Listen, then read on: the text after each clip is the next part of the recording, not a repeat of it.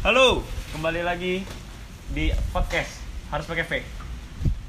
Di podcast. Eh kalau gue udah podcast, gak Blonyon Talks dong. Blonyon Talks kan podcast. Len, Ya, gue Blonyon Talks aja dong. Halo, kembali lagi di Blonyon Talks. boleh. Episode dua. Nonyon aja. Oh, jadi podcast with Blonyon. Ulang, ulang, ulang, ulang. Oke. Halo, kembali lagi bersama apa ini? Kembali di podcast bersama. Lah, terus Blonyon Talksnya namanya dari mana? Nggak ada Talks. Ada boxnya yang kata makna. Lah, tadi email gue blonyontalks@gmail.com. Gak apa-apa. Oh, jadi podcast with Blonyon. Iya. Halo, kembali lagi di episode 2 podcast with Blonyon. Hari ini kedatangan tamu spesial. saya saya lu buka masker, buka masker ini Oh, iya. area anti covid lah.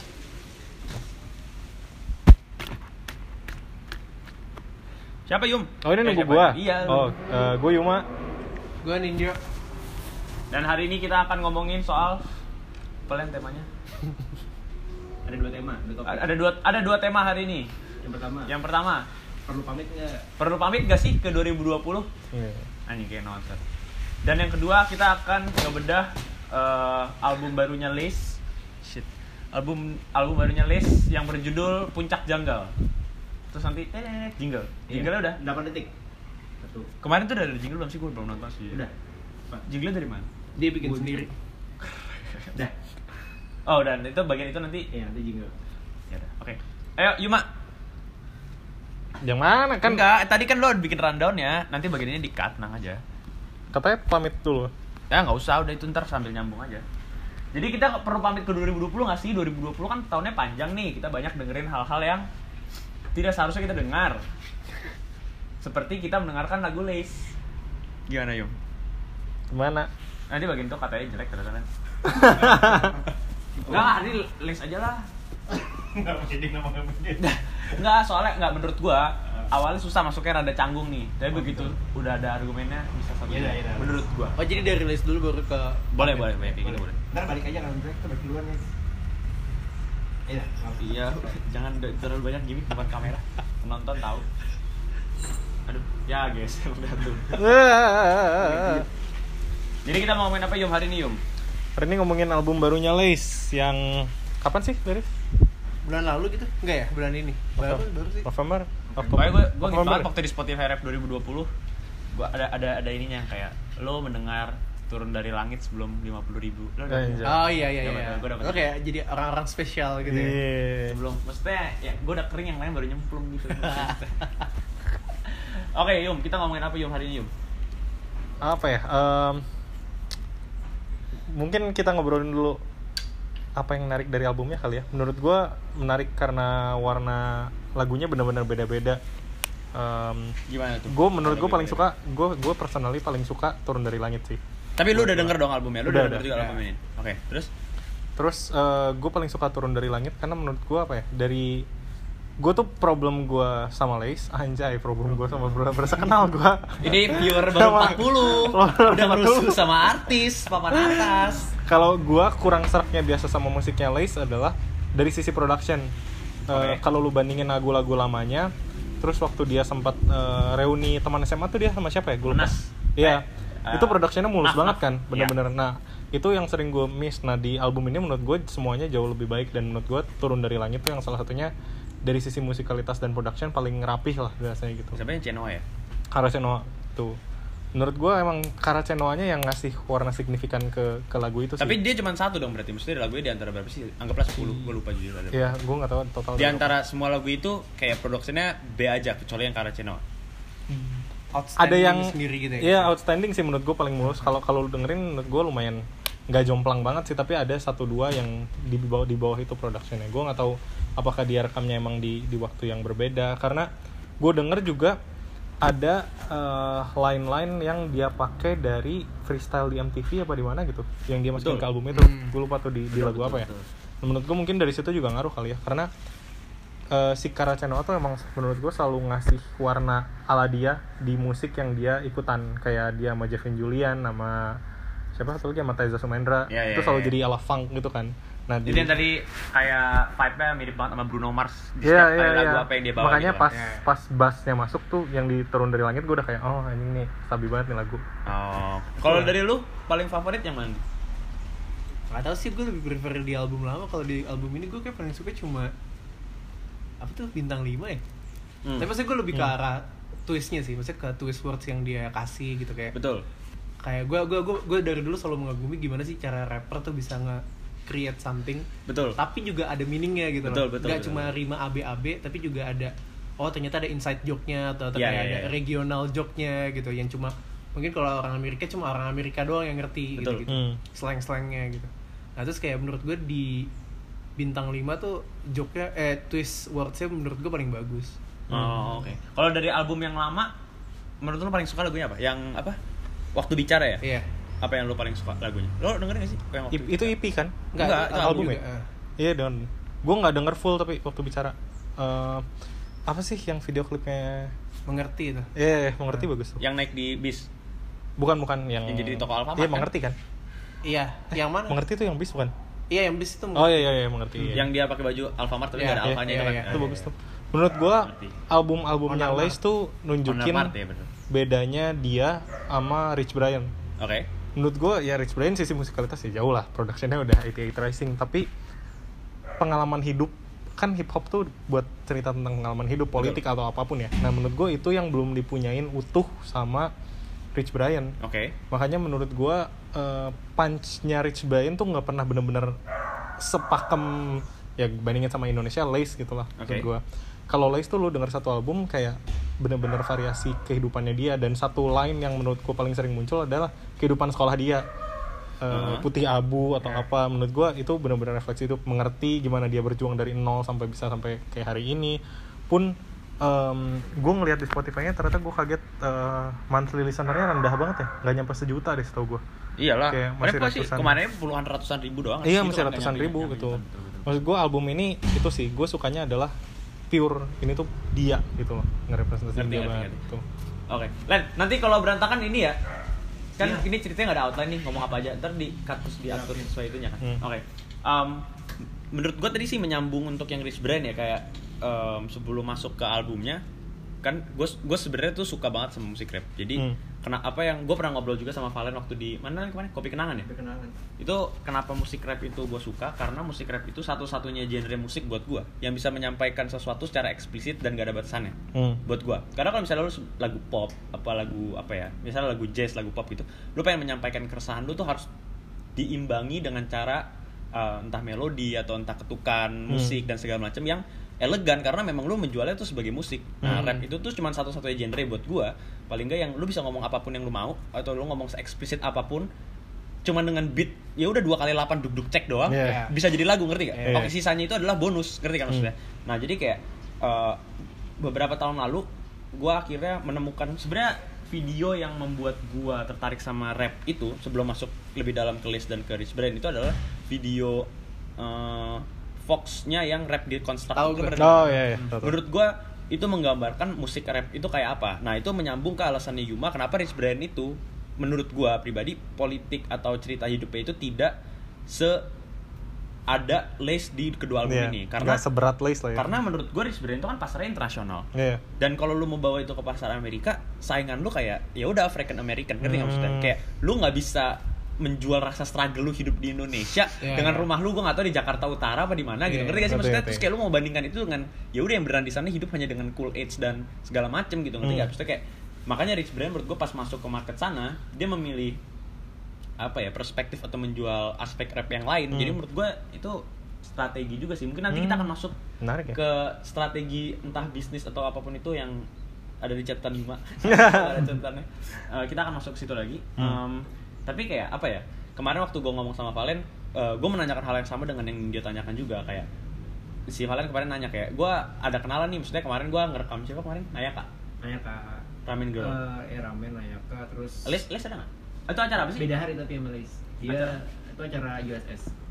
Jadi as di hari Hmm. pertama ada, ada ramen, ada Nayaka dan komplotan Rich. Rich ya. oh Hmm. nah satu satu Terus habis itu si Valen nanya ke gue waktu itu dia cerita kayak, eh lu mau gue ajak nggak ke situ gitu? Oh iya mau lah, gue ketemu orang-orang gitu. Terus dia kayak, kalau lu emang berani bawa podcast atau apa pun itu gue bilang kayak ya nggak tahu berani mah berani berani aja mungkin cuma ngobrolan biasa aja cuman dia nanya pertanyaan apa yang mau lu tanyain ke mereka dan pertanyaan gue itu sama yang kayak lu bilang tadi nih kayak lu sebagai rapper nih ada banyak hal yang patut diperhitungkan dalam membuat sebuah lagu kan maksudnya kalau Hmm. beat misalnya gue sebagai rapper nih lu sebagai Hmm. productionnya gue akan menyerahkan beat dan segala macam ke lu tugas Hmm. gue hanya menulis lirik nyanyi depan mic dengan beat 2 kali 8 nanti ya udah voice nya diekstrak terus Hmm. ngambil suara gue dimasukin ke itu gue nggak tahu lah production tapi kurang lebih Yeah. kayak gitu nah gue tuh cuman kepo sebagai sebagai rapper gimana cara lu menulis lirik karena buat gue nulis lirik eh, rap dan nulis lirik nulis lirik lagu pop itu berbeda Yeah. buat gue Hmm. kenapa menurut lu menurut lu dulu sebelum gue kenapa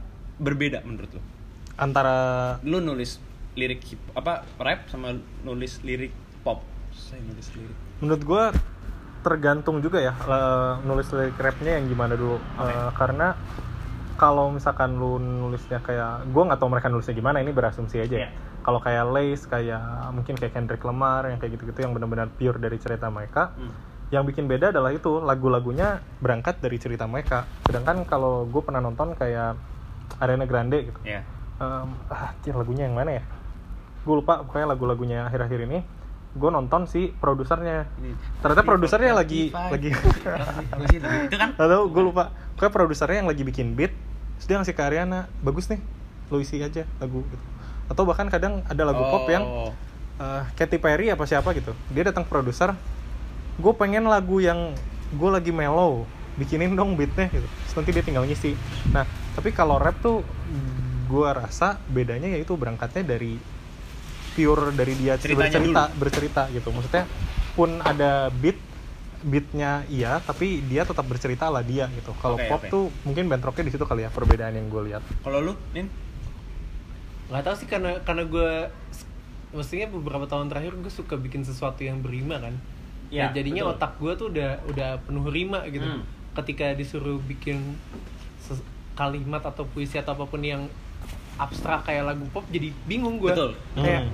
kok jadi susah ya padahal ini kan harusnya gampang kan karena kayak ya udah belakangnya serah lu mau kata-kata apa tapi ternyata Hmm. kalau ada rima tuh jadi jauh lebih tertata aja gitu loh kayak Betul. suka Setuju. duka Hmm. luka muka gitu Hmm, hmm. gampang nyarinya gitu dan ya ya nggak tahu sih gue gue gue juga ngerasanya gue nggak tahu dia bener apa enggak ya cuma gue akhir-akhir ini gue jadi suka nulis eh, referensi pribadi tapi gue eja gitu jadi misalkan kayak misalkan kayak kalau di, di rilis misalkan ada majalah gadis gitu itu kan ya cuma ada di Indonesia kan Betul. itu gue Hmm. tulis tuh majalah gadis gitu Setar ada apa misalkan dari karakter apa dari film apa gitu kan biasanya dari rapper juga banyak yang referensinya tuh dari series apa dari film Betul. apa dari game apa Hmm, gitu betul. tuh gue coba catat satu-satu gitu kayak yang berima apa dan mungkin siapa tahu suatu hari bisa kepake gitu Ah, akhirnya maksudnya pada akhirnya koleksi kosakata lu ini akan lu jadikan apa nih maksudnya lu nulis Enggak rap? belum sih gue belum belum belum ada apa-apa cuma kayaknya gue nggak tahu apakah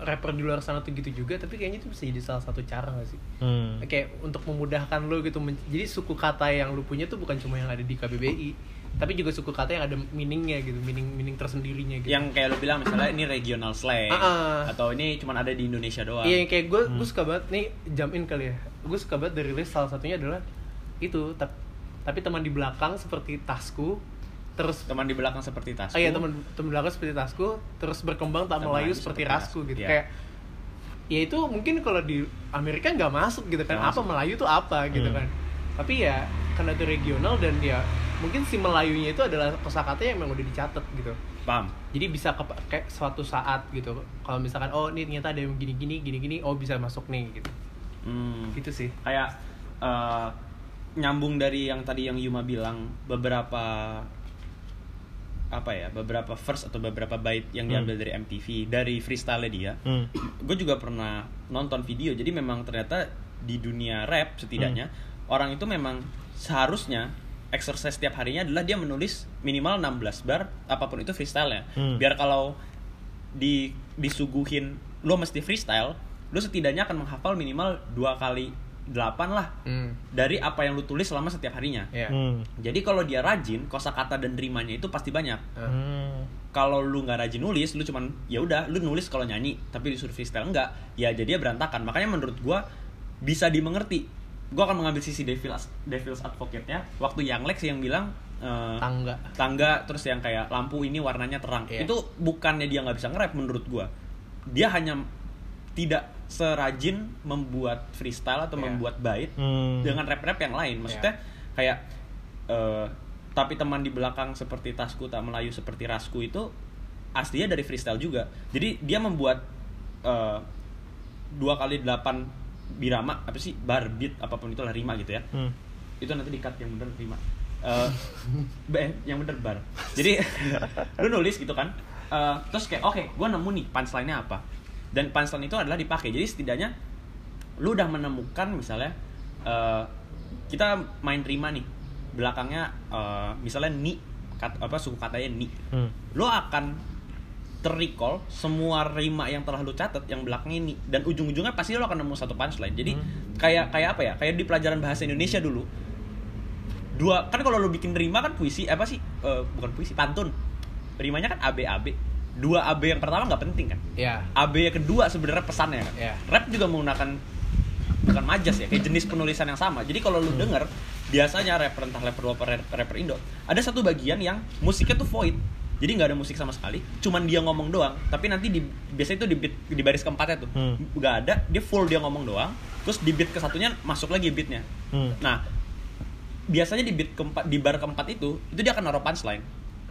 Nah jadi kayak lu menulis sesuatu berdasarkan pengalaman lu yang tiap hari lu tulis lu akan pada akhirnya menemukan ap- kata apa yang seharusnya ada di eh, bar keempat ini Hmm. jadi kalau gue denger lagu misalnya lagu rap Indo lah paling gampang karena kalau denger musik rap luar kan susah ya antara ada slang bahasanya Iya. keterbatasan Iya. ada lost in translation kadang-kadang kalau bahasa Indonesia kan oh ya gue bisa denger gitu Hmm. gue akan selalu cuma mendengar baris keempat dari setiap lagunya baris keempat dari setiap lagu rapnya kalau dari kayak satu bait pertama sebelum ref bait ke, apa lirik keempatnya bar keempatnya itu nggak ada yang apa oh ya kayak ini bagus nih ya punchline-nya nggak bagus gitu Uh-huh. gue akan kayak oh ya udah lagunya ya udah cuma sebagai lagu aja Uh-huh. bukan lagu yang gue suka gitu nah Uh-huh. tapi kan waktu gue nonton dari rap di Constructed itu ternyata tuh banyak banget hal-hal yang harus diperhatikan saat lu menulis Iya. rap makanya kayak waktu lu nulis kayak misalnya majalah gadis sebenarnya itu rimanya itu nggak cuma di dis Iya. jadi kayak um, Gadisnya dua gitu bukan bukan bukan Um, maksud gua uh, bukan double entendre-nya tapi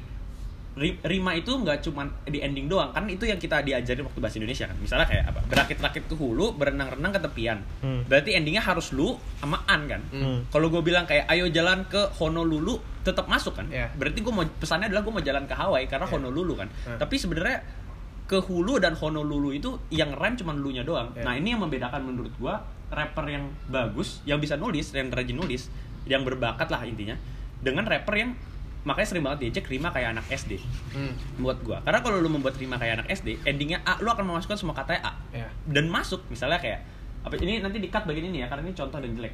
Misalnya contohnya apa ya?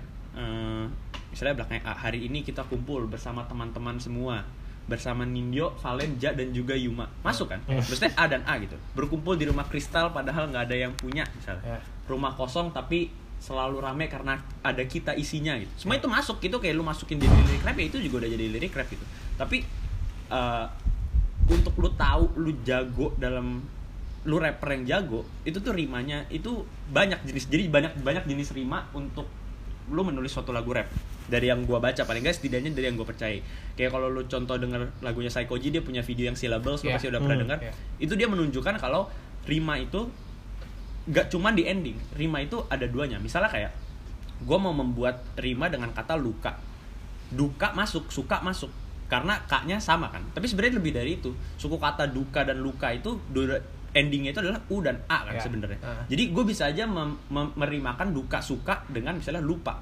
Karena en- ketika lu lafalkan dalam beat u sama a nya yang catch the people's Ya. ear Aha. jadi bukan hanya endingnya uka uka uka doang Iya. tapi u sama a u sama a nah menurut gue itu yang kenapa itu alasan kenapa gue lebih suka mendengarkan apa ya lebih suka menyimak lebih dalam rap lagu rap Indonesia karena buat gue di Inggris tuh curang karena kosakata di Inggris kan banyak maksudnya Iya. vocabulary Inggris itu sangat luas bahkan dari segi tense-nya present past dan future-nya itu kan semuanya berbeda kan Iya. dan dan slangnya sedangkan di Indonesia itu sebenarnya kata di Indonesia itu banyaknya kan imbuhan jadi katanya sebenarnya cuma makan cuman Hmm. ada delapan jenis kata makan yang bisa lu ubah kan. Maksudnya Iya. makan dimakan memakan dimakannya memakannya.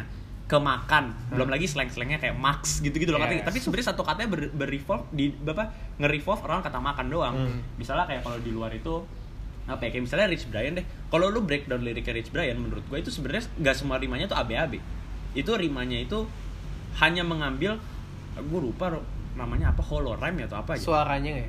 Iya, jadi yang diambil itu hanya du- dua suku kata terakhir ya Iya. misalnya. Dan dan menurut gue itu yang membuat rap tuh jadi seneng karena katanya tuh beneran gak terbatas. Hmm. Lu nggak bisa menggunakan, lu literally bisa menggunakan semua kata yang ada di KBBI untuk membuat sebuah lagu.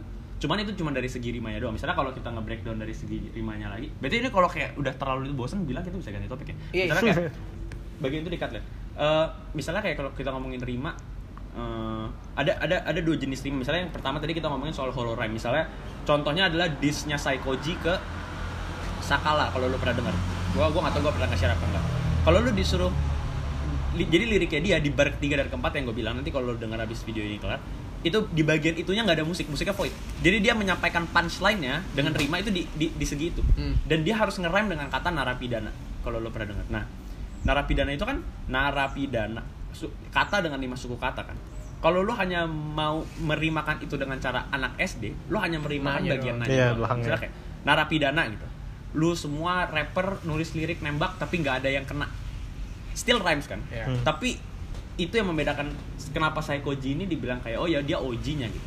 Karena pada akhirnya di lagunya dia itu nge-rap nge-rhyme narapidananya itu dengan katanya narapidana tapi ngarepin dana lu nge-rhyme narapidana dan ngarepin dana itu Hmm. bukan hanya naknya yang nge-rhyme. Iya. karena narapidana dari masuk kata itu kan AAI AA AAI AA gitu kan.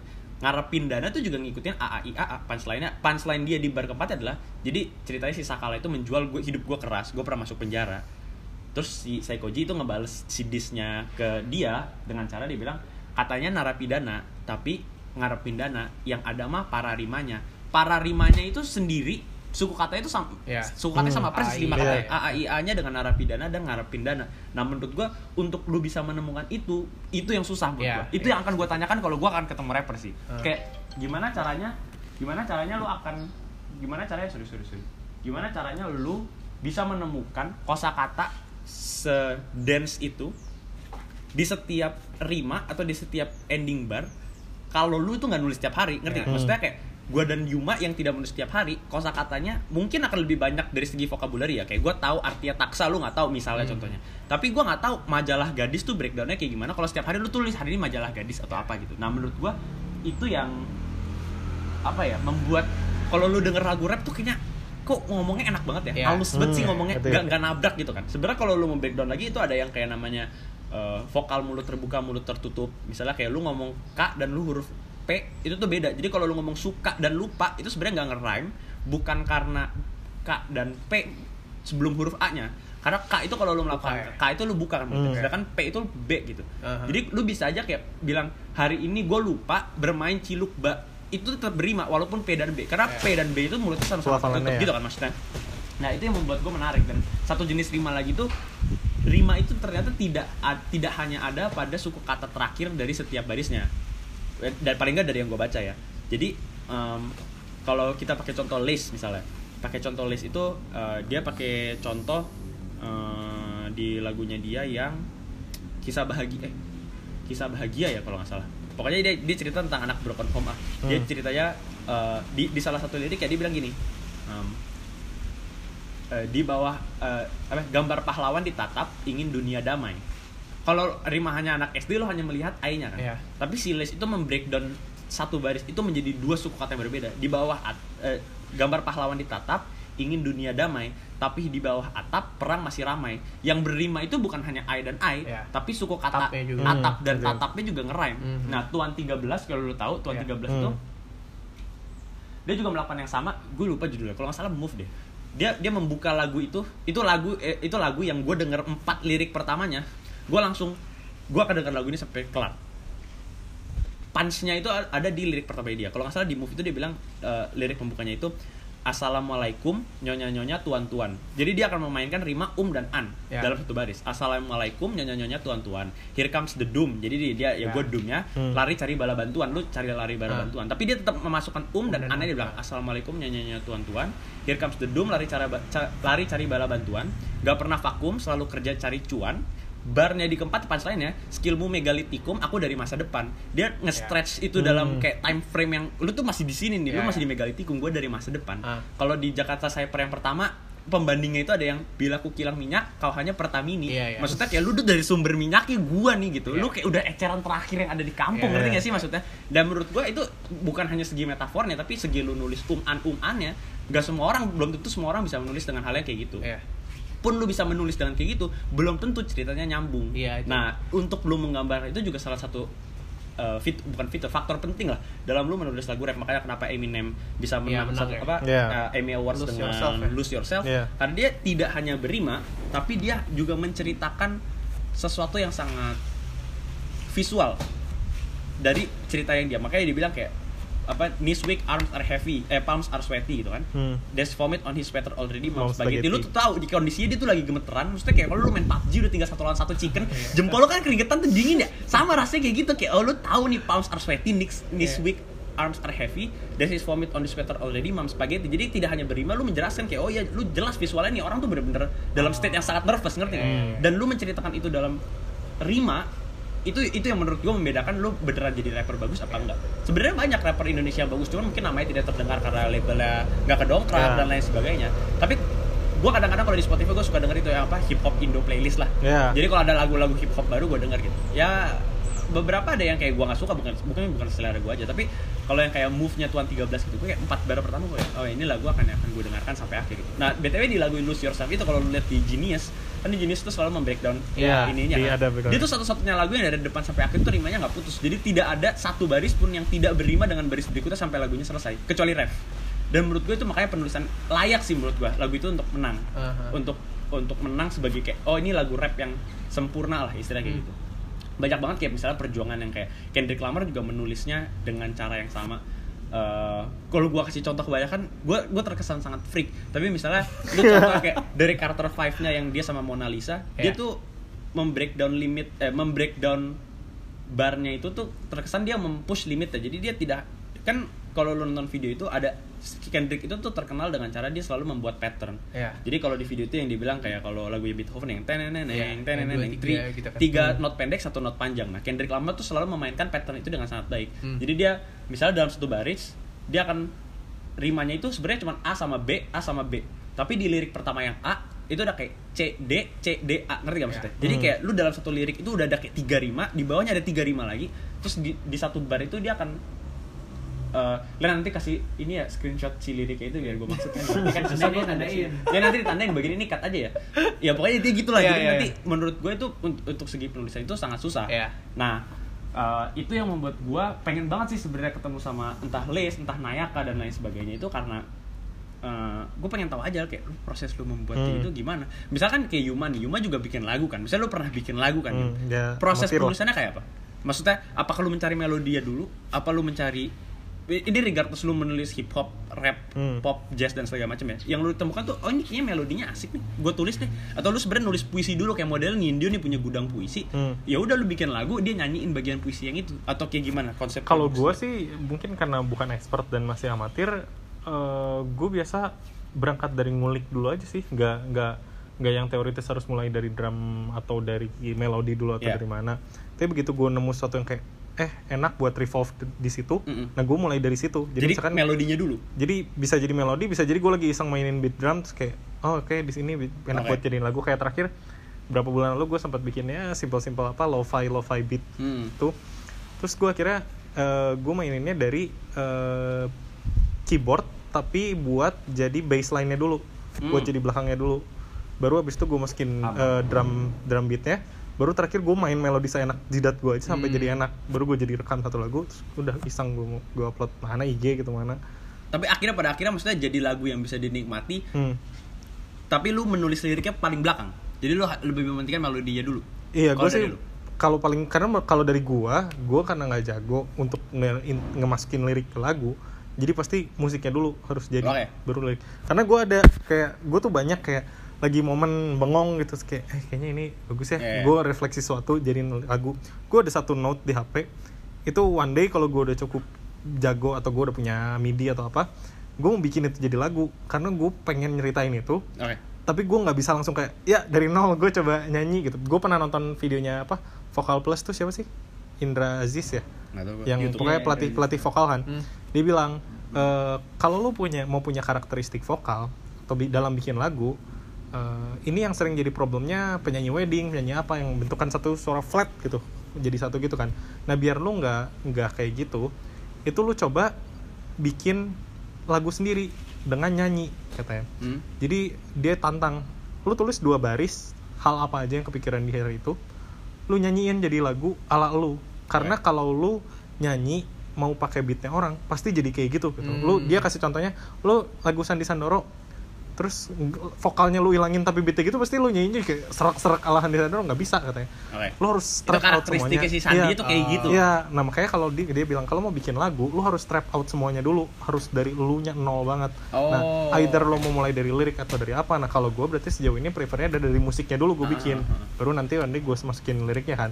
Nah mungkin tapi ada orang yang justru dari lirik nih, dari lirik galau, terus kayak mainin tiga noting, ning ning, kayak oh ini jadi baseline buat jadi refnya Ya, ada. Nah itu bisa. gitu ya. Iya, nah emang beda-beda sih revolve buat bikin musik Oh, kalau lu, maksudnya gue gak tau sih lu pernah nulis lagu apa enggak nih. Maksudnya gue tau kan lu nulis puisi entah buat narasi atau apa kan. Nah, ada kan satu lagunya di Spotify. Enggak, tapi gue gak, gue gak involve Maksudnya Maksudnya apa dong kasih tau? Eh, kasih ada, ada. 40 orang ini yang denger tahu. itu? Pencet 40 doang. muncul nih, muncul ya, 40. muncul link Spotify atau ini aja 52 ya Allah ini kita bikin sampai keringetan 40 Kan mantan- Eh, lemparin dulu dong itu bungkus yang bawah lemparin ke sini dulu dong abis. habis ya itu Dia mantan drummer pro nih. Nah, nggak tahu sih maksudnya kalau dalam proses produksi gue nggak nggak pernah ikutan kan cuma gue juga gue juga kepo itu sih. Dua hal yang gue kepo. Jadi satu yang tentang si eh, sebenarnya yang mana duluan gitu lirik Iya. duluan atau lagu duluan. Dan yang kedua sebenarnya nyambung yang tadi tapi kayak cuma se sepintas doang. Gue juga kadang kepo sama jenius gitu. Oke. itu yang siapa sih yang ngisi anotasinya gitu? Kayak ini ini tuh ada dari interview dia yang ini atau kayak pernah dari Itu submisi di dari user tau? 2012 gitu. Submisi dari user tau? Gue pernah hampir nulis kayak gitu buat liriknya list oh bebas. Bebas, bebas. Oh. Tapi nanti harus di approve dari jumlah kalau nggak salah ya Dari jumlah eh, Lu harus ngasih referensi yang bener apa Dicek dari pihak jenis ya Dan dilihat dari uploadnya Ke- Oh. Kecuali Misalnya kayak gue bikin lagu Gue sendiri yang ngasih Iya, lagu iya, itu iya. biasanya di, diijoin Hmm. Jadi itu memang dari itunya Tapi kalau enggak Bisa eh, kita yang ngasih Jadi misalnya kalau lirik di Genius itu pertamanya itu polos doang. Ketika lu bisa mau kasih submission itu, lu bisa milih kayak larik mana yang mau lu kasih penjelasan gitu. Aha. Misalnya kayak ini gue lupa lagu listnya apa, tapi intinya eh, jangan sampai tergigit macam logo Alp macam logo Apple kalau nggak salah apa. Hmm. gue cuma pengen nambahin aja ya logo Apple itu adalah Apple yang kayak ujungnya kegigit. Misalnya Aha. dia bermain apa double entendre di tergigit dan logo Apple Apple Macintosh gitu kan Aha. kayak bisa aja sebenarnya lo kasih itu tapi dengan catatan lo tetap harus ngasih reference kayak oh lo bener nggak nanti kalau nggak salah ada orang jenius Indonesia nya yang kayak Oh. nggak proof kayak oh ini gitu terus kayak nanti baru lu pas udah di okein pas lu nge-hover mouse over the lyrics oh ini ada submission dari mana bisa di upload upload kayak gitu Oh, Hmm. itu maksudnya kayak, Kayak anjing, apa ya? Keren banget kita apalagi kalau misalkan sampai bukan bukan dianya yang ngasih tahu gitu ya. Hmm. Maksudnya dari orang yang kayak ini pernah ada nih di tweet dia tahun segini atau kayak ini Iya. pernah jadi Hmm. ngebales itu pas niat di banget sih, gitu kayak. yang kayak This is. America tuh Childish Gambino nggak mau jelasin kan dia Iya. bilang udah jelas eh, Iya, interpretasi terus sendiri tiba-tiba aja ada gitu video iya yang kayak pose di video klipnya gue kayak dari mana bisa Iya. nyari iya iya Orang- makanya itu menurut gua itu orang-orang tuh niat banget sih Dan maksudnya berarti dia ada dua dua interest yang nyambung. Dia tahu sejarah Amerika dan dia suka Childish Gambino gitu. Artinya kan Hmm. kayak ah, gimana cara Iya iya nyambungnya iya gitu iya loh. betul betul betul betul. Tapi Nah. menurut gue kayak bisa sih, maksudnya mungkin karena itu bahasa mereka ya. Maksudnya kayak Iya. gue akan tentunya lebih mudah nge-breakdown liriknya Lace dengan regional slangnya Iya, dia benar. dibandingkan dengan regional Hmm. slang orang Amerika kan. Betul. Tapi nanti ntar di luar kamera karena ini berbahaya, nanti gue akan ngomongin soal battle rap. Tapi nanti itu di luar aja atau enggak minimal di Spotify doang jangan di sini. Karena panjang dan membo- membosankan.